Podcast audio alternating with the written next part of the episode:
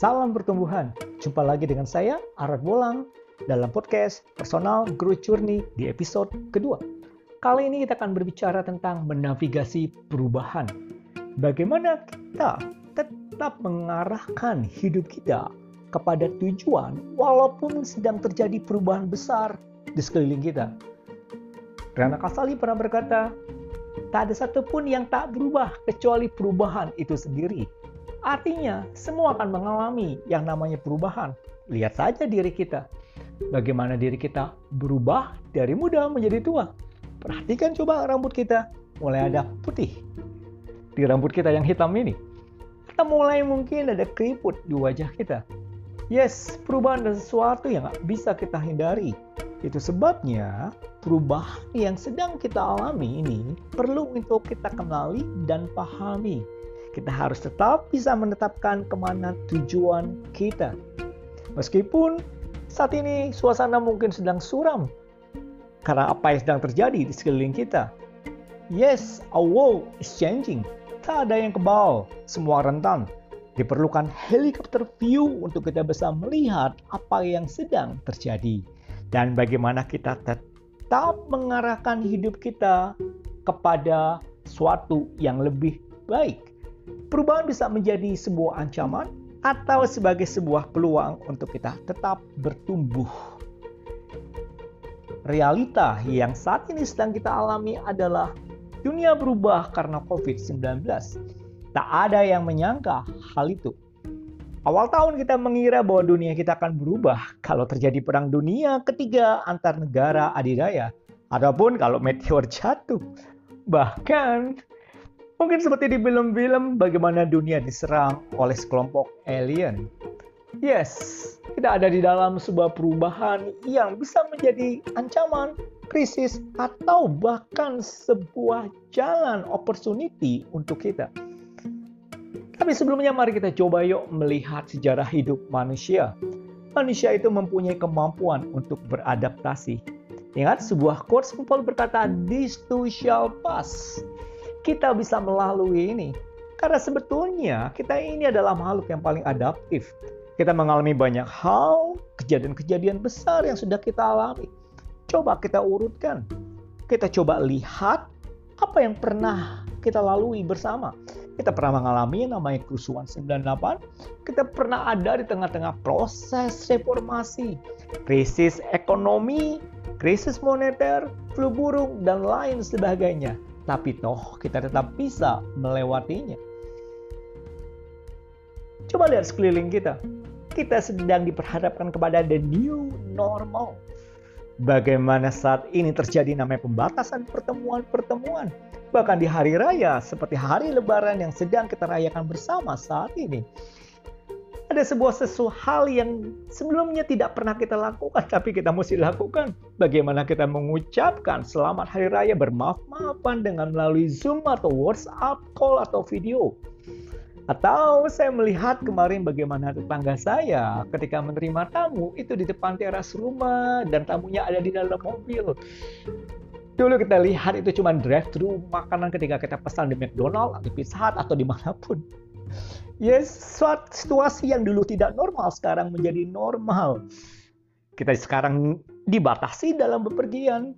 Munculnya begitu banyak requirement atau persyaratan untuk kesehatan. Kita harus melindungi orang berusia lanjut. Kita diminta untuk bekerja dari rumah. Kita harus bisa menyeimbangkan antara kehidupan pribadi dan juga kehidupan pekerjaan kita. Dan Zoom is the new meeting place saat ini.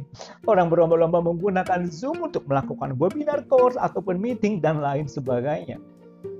Teman-teman, gimana sih caranya agar kita tetap bisa menavigasi perubahan yang sedang kita alami ini? Di dalam sebuah teori manajemen change, ada empat tingkatan dalam perubahan. Nah, hal terpenting yang dapat kita lakukan adalah kita harus bisa melewati tahapan-tahapan dalam perubahan dengan benar. Tahapan yang pertama di dalam proses perubahan adalah tahapan denial atau menyangkal. Menyangkal bahwa perubahan telah tiba, bahkan kita sudah melihat tanda-tanda jelas bahwa oke okay, kita sudah berhadapan pada sebuah new normal situation tapi kita masih menyangkal ah dunia ini tidak berubah sama seperti kemarin keadaan akan seperti dulu lagi dan kita merasa tidak nyaman jikalau kita berhenti pada fase ini berbahaya sekali karena kita sedang menolak realita dan kita tidak bergerak kepada masa depan. Kita terbelenggu dengan tradisi kita. Kita terbelenggu dengan ketakutan, kekhawatiran kita. Sedang terbelenggu kepada zona nyaman kita. Tahapan kedua adalah kita mulai melawan atau resistance, apa pun yang dilihat salah oleh kita. Kita mengeluh dan tidak fokus kepada hasil. Kita lebih sering mengkritik dan menyalahkan ketika kita menyampaikan opini atau bahkan memberikan tangkapan dengan amarah. Kita lihat berita, kita marah, kita mencari kambing hitam, dan kita mencari opini atau berita yang sepakat dengan pandangan kita. Kita mengeluh pada orang-orang sekeliling kita, mengkritik orang-orang sekeliling kita, emosi kita nggak jelas.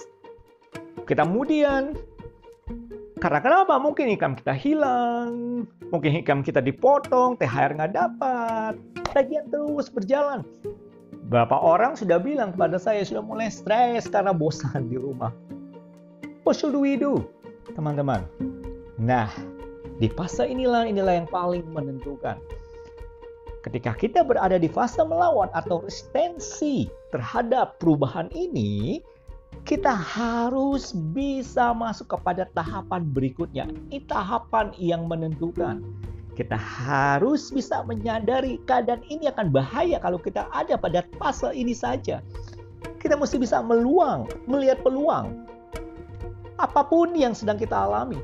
Nah, kita masuk pada fase ketiga yaitu eksplorasi. Di sinilah kita mulai berani mencoba. Kita menyadari bahwa kita tidak dapat menghentikan perubahan ini kita mulai melihat masa depan. Kita mulai melihat the beauty of change. Kita mulai meninggalkan rasa skeptis kita sehingga kita mampu mengeksplorasi alternatif-alternatif apa yang bisa kita lakukan. Saya melihat banyak orang sudah mampu melihat hal yang baik ketika kita ada di dalam pandemi COVID-19 ini. Beberapa teman saya sudah mulai jago masak, mereka posting di media sosial. Beberapa teman saya sudah mengikuti berbagai macam bentuk webinar webinar course yang ditawarkan oleh banyak pihak. Saya sudah juga melihat bagaimana teman-teman seprofesi dengan saya, kita berkolaborasi, kita bertukar ide, dan kita mengembangkan kemampuan yang ada. Bahkan saya pribadi menawarkan bantuan coaching dan training online by free ataupun berbayar. Nah, teman-teman, tahapan eksplorasi ini akan menolong kita untuk masuk ke tahapan berikutnya, yaitu tahapan komitmen. Melalui pilihan-pilihan eksplorasi yang sudah kita buat tersebut. Kita bisa produktif ketika kita melakukan pilihan-pilihan tersebut. Moral kita juga bisa meningkat dan kita akan melihat nilai diri kita juga meningkat. Interaksi sosial kita pun akan semakin baik. Nah, itu sebabnya teman-teman, mari kita berproses dengan benar agar kita tidak terjebak hanya pada tahapan menyangkal, menolak, atau berhenti pada tahapan eksplorasi. Mari kita mengkomitmenkan diri kepada apa yang bisa kita lakukan terkait dengan perubahan ini. Situasi tidak akan sama, pilihan ada pada kita, teman-teman semua. Tak ada satupun manusia yang bisa melihat hari esok. Yang bisa kita lakukan adalah kita menyiapkan diri dengan baik. Itu sebabnya, yuk mari kita bisa mengayuh untuk kita bisa melintasi badai dalam perubahan ini untuk bisa tiba di sebuah tempat yang lebih baik. Pilihan ada pada kita. Terima kasih sudah mendengarkan podcast episode kedua ini. Saya Arif Bolang. Kita bertemu lagi di episode berikutnya. Salam pertumbuhan.